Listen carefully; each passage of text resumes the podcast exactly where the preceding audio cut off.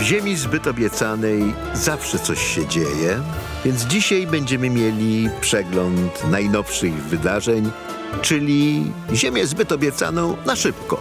W KHZ tak to jest.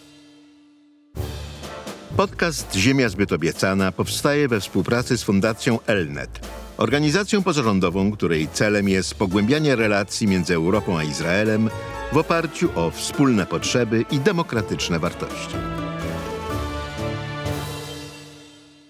Dzień dobry Państwu. Dzisiaj, zgodnie z podcastowym rozkładem jazdy, powinien być dłuższy odcinek Ziemi zbyt obiecanej, a nie taki krótszy odcinek Ziemia zbyt obiecana na szybko. Ale uznaliśmy, że w związku z przełomowymi wydarzeniami politycznymi w Izraelu należy jakoś się odnieść do tego, co się w Jerozolimie stało. Jak e, wszyscy Państwo zapewne wiecie, e, w poniedziałek e, parlament izraelski przegłosował poprawkę do ustawy zasadniczej o rządzie, znoszącą wymóg roztropności, który wcześniej obowiązywał decyzje rządowe.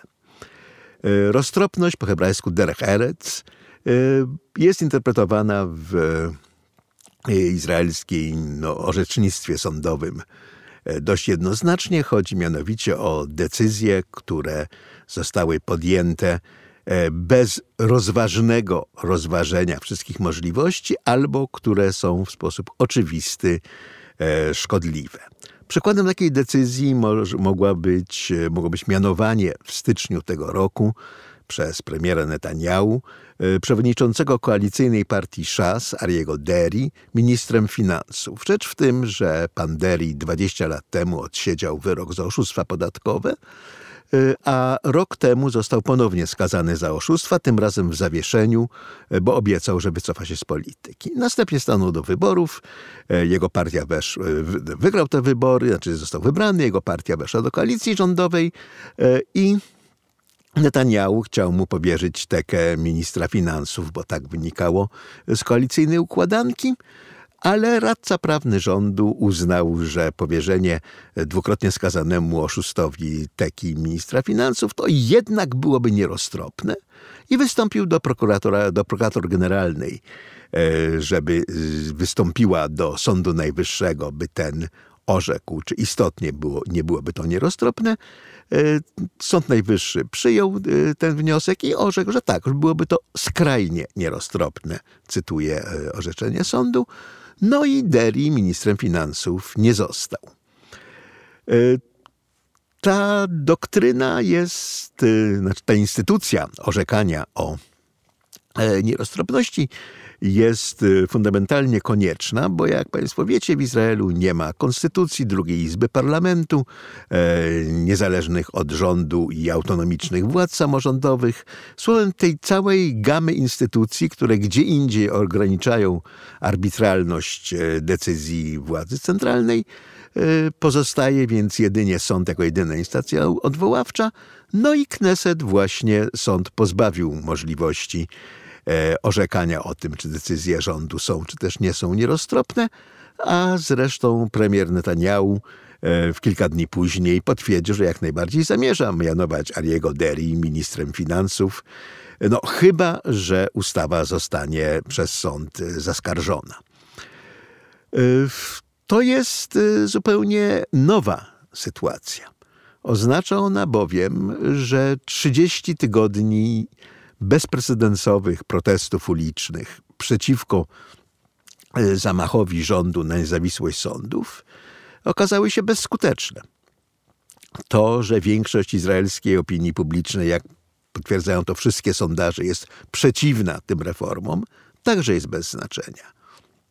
Rząd przeprowadził to, co chciał przeprowadzić, a tym samym potwierdził e, najgorsze interpretacje e, jego polityki, które formułowała opozycja, mianowicie, że on się po prostu nie liczy ani z prawem, ani z opinią publiczną. Liczy się wyłącznie z tym, co jest w jego własnym interesie.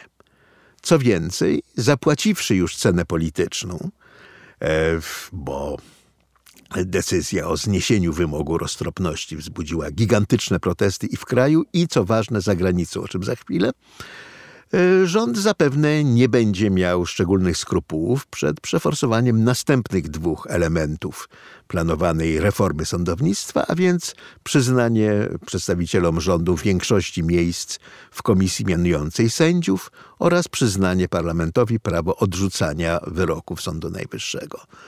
E, jak te dwie ustawy zostaną przegłosowane, e, to nie będzie już żadnej kontroli nad arbitralnością rządu. Będzie wyłącznie nadzieja, że rząd zechce się kierować interesem publicznym, e, chociaż e, póki co e, działalność obecnego rządu takiego domniemania wcale nie potwierdza. To, czy następne elementy reformy sądownictwa zostaną przegłosowane, okaże się dopiero na jesieni, E, Kneset rozpoczął długie wakacje, najpierw na wakacje, a potem na żydowskie Wielkie Święta, więc zbierze się dopiero w październiku. Wszystko będzie zależało od tego, jak w międzyczasie ukształtuje się sytuacja polityczna.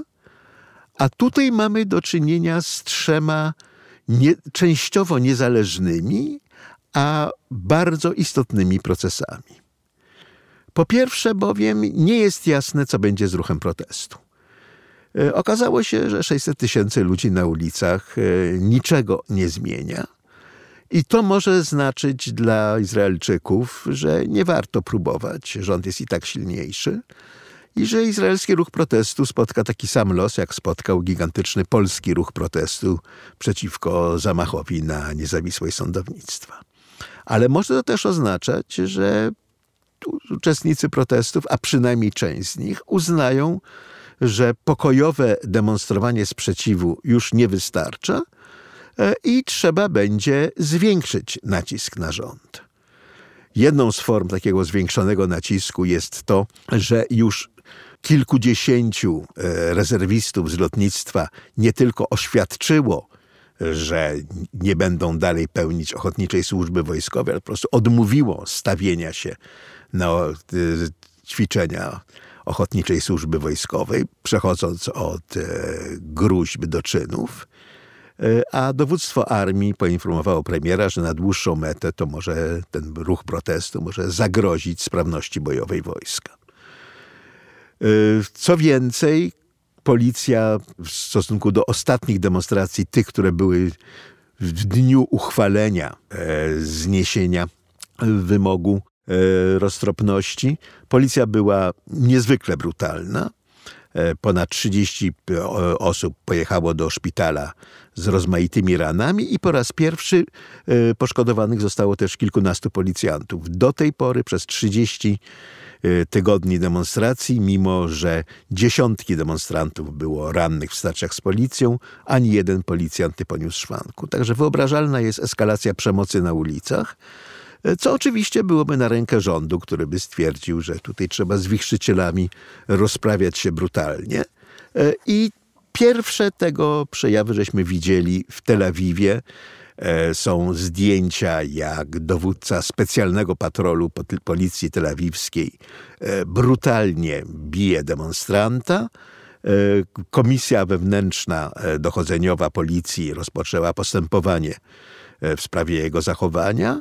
Ale minister bezpieczeństwa narodowego Ben Gwir oświadczył, że to jest skandal, że tutaj się e, prześladuje dzielnego policjanta, który tylko spełniał swój obowiązek. No to jest ewidentnie zachęta dla policji, żeby robiła tak dalej. Tak więc pierwsza niewiadoma e, to jest to, jak zachowa się ruch protestu. E, druga niewiadoma to jest to, co zrobi Sąd Najwyższy. Do Sądu Najwyższego trafił wniosek o uznanie e, tej e, poprawki znoszącej wymóg roztropności za sprzeczną z konstytucją i jej odrzucenie. Gdyby Sąd Najwyższy odrzucił poprawkę ograniczającą władzę Sądu Najwyższego, to samo w sobie byłoby konstytucyjnie wątpliwie. No, sąd nie powinien orzekać we własnej sprawie. Rzecz w tym, że nie ma innej instancji. E, co więcej, w wywiadzie prasowym premier Netanyahu e, odmówił stwierdzenia, że jeżeli Sąd Najwyższy wyda taki wyrok, to rząd mu się podporządkuje. Innymi słowy, premier rządu dał do zrozumienia, że są no, takie okoliczności, w których on może wypowiedzieć obowiązek posłuszeństwa wyrokom sądu. Chociaż ustawy o, e, o tym, że Kneset może odrzucać wyroki, jeszcze nie ma. Słowem, premier wyraźnie otworzył możliwość kryzysu konstytucyjnego, w którym nie tylko obywatele, ale instytucje państwa będą musiały zdecydować, czy opowiadają się po stronie sądu, czy po stronie rządu. No, taki kryzys oczywiście by zagrażał podstawowym interesom państwa. Nie jest jednak jasne, czy sąd w ogóle zdecyduje w momencie, kiedy zacznie rozpatrywać e, wniosek, że może w tej sprawie orzekać właśnie ze względu na konstytucyjne wątpliwości, oraz nie jest jasne, jaki, jaką decyzję sąd podejmie. E, wyrok powinien zapaść we wrześniu, a więc przed wznowieniem obrad Knesetu. Wreszcie trzecia możliwość to konsekwencje międzynarodowe. I tutaj otwierają się dość niezwykłe perspektywy. Z jednej bowiem strony, jak wiemy, e, do tej pory Stany Zjednoczone E, były niezmiernie krytyczne wobec e, tych rządowych planów, jak rząd to określa, reformy sądownictwa. I prezydent Biden odmówił premierowi Netanyahu zaproszenia go do Białego Domu, ale tuż przed głosowaniem Biden zadzwonił w końcu do Netanyahu i była to przyjazna rozmowa jak zgodnie stwierdzają obie strony. E, I Netanyahu powiedział w wywiadzie w tydzień później, że Biden zaprosił go do Białego Domu. To jest interesująca nowość. Amerykanie nie potwierdzają tego, że Biden zaprosił Netanyahu do Białego Domu. Stwierdzają jedynie, że zaprosił go do złożenia wizyty w Stanach. E, I obserwatorzy przypuszczali, że chodzi o spotkanie z prezydentem w kuluarach e, ONZ-u podczas wrześniowej e, sesji Zgromadzenia Ogólnego. To jest spotkanie o dużo niższej randze dyplomatycznej niż wizyta w Białym Domu. I Biały Dom do tej pory nie potwierdził, że Netanyahu istotnie został do Białego Domu zaproszony. Ale prawdziwą bombę odpalił komentator New York Timesa Tom Friedman, który jest y, dość y, niezwykłą instytucją dziennikarską, bo tak właściwie należy go określić, to jest więcej niż tylko jedna osoba. Y, on ma znakomite kontakty w sferach rządowych, zarówno w Stanach, jak i na Bliskim Wschodzie.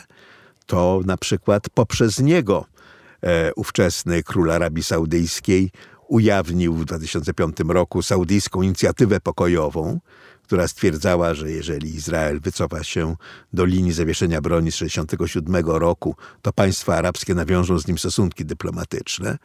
E, ta oferta w tej formie nie była dla Izraela do przyjęcia, ponieważ e, linie zawieszenia broni z 1967 roku e, nie są granicami, konieczna jest ich renegocjacja.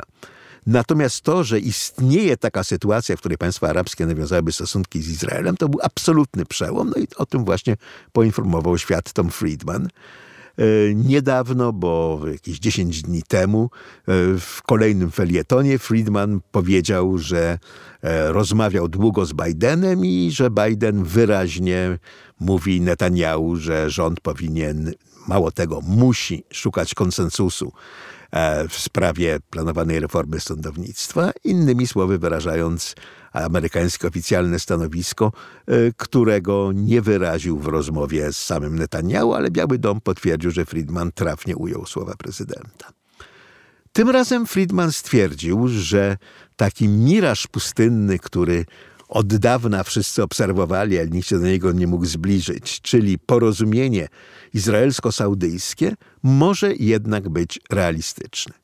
E, Biden wysłał dwóch czołowych negocjatorów do Riyadu, e, a Friedman opublikował, nie powołując się precyzyjnie na źródła, ale jak się rzekło, Friedman ma bardzo dobre źródła, że amerykańska propozycja jest następująca.